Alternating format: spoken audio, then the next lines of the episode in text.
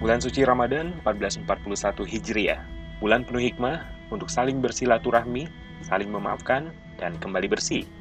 Banyak yang bilang, bulan Ramadan yang penuh kenangan, bulan Ramadan yang penuh kisah dan cerita. Warna Ramadan.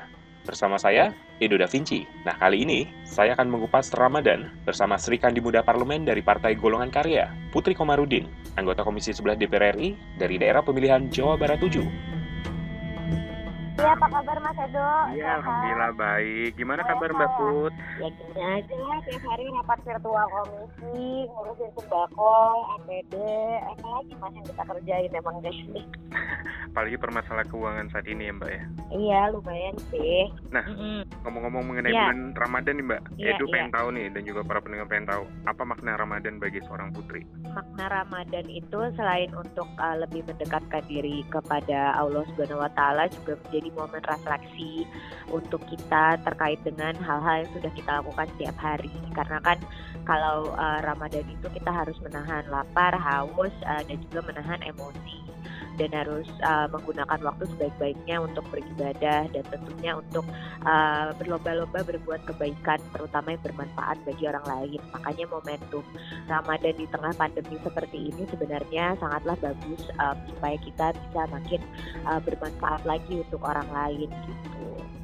Nah, kalau misalnya bicara tentang Ramadan nih Mbak, biasanya ada keunikan sendiri ya di daerah pemilihan Mbak Put, kayak Iya, misalnya adat atau tradisi gitu tentang keunikan Kalau Ramadan. di kampung halaman saya yaitu di Kabupaten Purwakarta itu biasanya kita uh, tarawehnya di dekat rumah. Uh, jadi di di kampung kita itu di Desa Benteng uh, ada masjidnya di situ tempat kita taraweh dan biasanya setelah itu anak-anak uh, berdukan dan tiap malam bukan hanya uh, menyambut uh, apa menyambut lebaran saja gitu. Terus pagi-pagi biasanya masih ada yang bangunin kalau mau sahur. Jadi uh, masih ada warga yang berkeliling uh, desa tersebut untuk uh, menjadi alarm membangunkan uh, semua warga desa untuk sahur. Itu kan tidak kita dapatkan di kota-kota besar seperti di Jakarta kan. Jadi uh, lebih terasa lah uh, rasa kekeluargaannya di antara masyarakat desa tersebut. Kalau petasan yang dari bambu, Petasan bambu mungkin uh, pas aku masih kecil ada ya gitu, tapi sekarang uh, anak-anaknya sudah main petasan modern semua. Bukan hanya anak-anak soalnya yang main di sana, bahkan uh, orang-orang yang sudah sepuh yang usianya sudah 80 tahun ke atas, tapi biasanya warga di desa itu uh, lebih sehat dan lebih panjang umur ya, mungkin karena uh, apa masih uh, bagus juga udaranya dan uh, mereka selalu dekat dengan alam, dekat dengan sawah, jadi mereka suka main juga yang udah 80 tahun ke atas. jangan-jangan Mbak Put juga waktu masih kecil main petasan bambu. Nah itu aku nggak inget sih, mungkin ya. Nah, kalau misalnya mengenai kuliner berbuka nih Mbak, yang paling diminati oleh Mbak Put pada saat Ramadan. Aku itu kalau misalnya buka puasa harus sama yang manis-manis. Kan kalau misalnya apa, uh, kalau misalnya kita setelah seharian nggak ada rasanya mulutnya gitu kan, maunya selalu yang manis-manis kan gitu. Aku suka semuanya sih cendol, cincau, uh, apa tuh yang ini sa- salak eh salak. Iya bukan sih biji salak. Iya.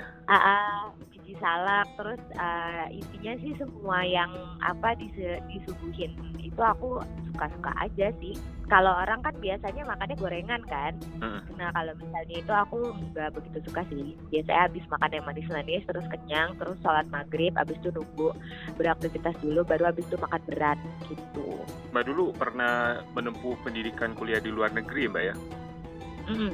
Itu gimana sih rasa suasana Ramadan pada saat di sana? dulu aku berkuliah di uh, Melbourne University. Jadi uh, ketika aku kuliah di sana selama 4 tahun itu bulan Ramadan jatuhnya di uh, masa musim dingin di mana kita sahur bisa sampai imsaknya tuh uh, apa jatuhnya dekat-dekat jam 6. Jadi hampir mirip kayak sarapan lah gitu.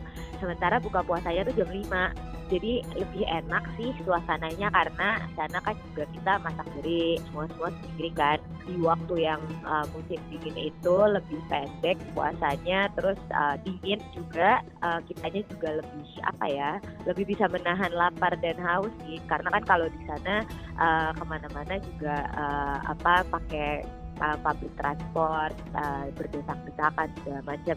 Jadi alhamdulillah sih uh, enak sih kalau misalnya di sana dan di sana juga komunitas muslimnya itu banyak dan orang Indonesia-nya juga banyak. Jadi ketika kita Idul Fitri juga uh, ada acara di uh, konsulat jenderalnya di KJRI. Di kampus aku juga komunitas muslimnya dari berbagai negara, Indonesia, Arab dan sebagainya itu mengadakan sholat Idul Fitri bersama dan biasanya mereka menyediakan makanan juga gitu. Jadi tidak jauh berbeda dengan situasi di sini, cuma jauh dari keluarga aja. Iya, berarti uh, suasananya itu masih dalam lingkup uh, suasana Indonesia ya Mbak ya, walaupun merantau ke luar negeri sana.